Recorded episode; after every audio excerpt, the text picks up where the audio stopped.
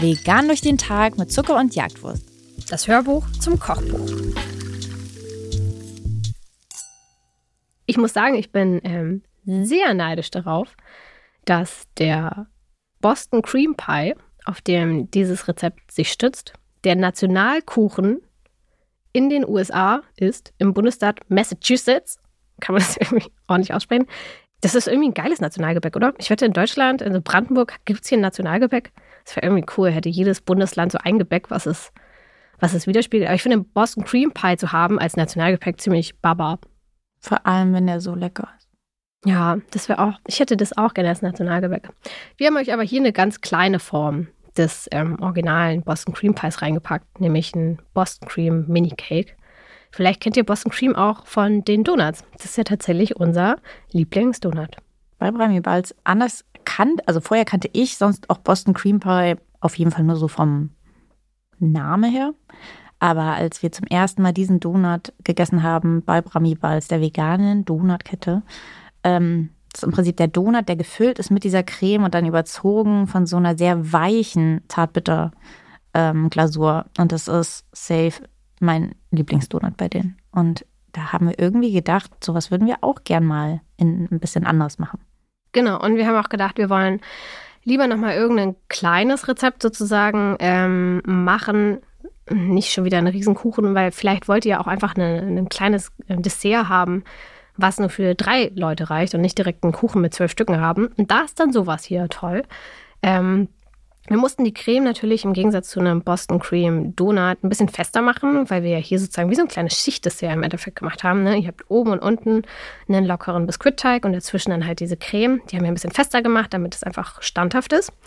Ähm, aber ja, im Endeffekt ist dazwischen eine ganz, ganz schöne Vanillecreme. Ähm, und überzogen haben wir das auch wie das Original mit dieser Schokoladenschicht.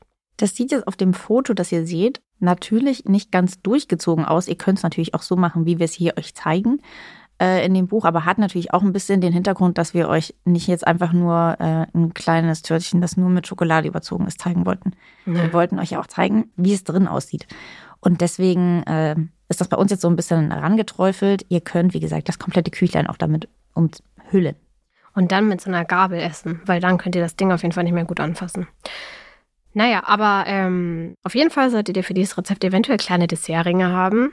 Das hilft enorm. Wenn ihr keine Dessertringe habt, dann könnt ihr das natürlich auch einfach irgendwie in ein Glas packen. Das ist auch überhaupt nicht schlimm. Dann packt ihr einfach einen Boden ähm, ins Glas, gießt das auf mit der Creme, packt oben nochmal einen Boden rauf, ähm, übergießt das mit ein bisschen Schokolade und fertig. Auch das funktioniert. Ich habe eine Frage, die mir kam, ja. als du das gemacht hast. Und zwar würde ich gerne wissen, wieso muss es denn in dem Fall bei der Creme eine Nuss- oder Sojamilch sein? Kann man das nicht mit Hafermilch? Doch, ich glaube, es funktioniert auch. Hier war mir so ein bisschen der Look wichtig, muss ich sagen. Also wenn euch das Aussehen egal ist, dann könnt ihr, könnt ihr auch eine Reismilch nehmen. Obwohl eine Reismilch meistens sehr dünn ist und nicht so Fettgehalt hat. Das würde ich, glaube ich, beim Backen eh nicht so oft nehmen. Aber Nuss- oder Sojamilch sind, ähm, finde ich, manchmal gefühlt ein bisschen weißer vom Look oder halt leicht gelblich sogar. Und eine Hafermilch hat manchmal so einen leicht grauen Touch. Und ich wollte für dieses Bild irgendwie eine schöne, helle, weiße, gelbliche Creme haben. Deswegen habe ich hier einfach dann Nuss- oder Sojamilch genommen. Ja, das ist es auch schon. Auch deswegen zum Beispiel Pudding oder so würde ich auch, glaube ich, immer nicht mit Hafermilch machen. Da ist auch eine Geschichte mit den Enzymen, dass man mit Nuss- oder Sojamilch auf jeden Fall eh auf der sicheren Seite. Aber Sojamilch sieht halt richtig strahlend weiß aus. Ich erinnere mich nämlich auch daran, dass wir mal diese Diskussion darunter unter einem Rezept von uns hatten, mhm äh, wo wir einen Pudding gemacht haben mit Hafermilch ja. und uns viele Menschen gesagt haben, dass es mit ihren eigenen Hafermilchsorten nicht funktioniert hat. Ja, das ist bei Hafermilch manchmal ein bisschen schwierig, denn ähm, ob sowas andickt, liegt ja an den Enzymen in der Milch. Und bei Nuss- und Sojamilch seid ihr auf jeden Fall safe, dass das ein easy Pudding wird, das ist gar kein Problem. Aber bei Hafermilch sind halt manchmal die Enzyme mit drin und manchmal nicht.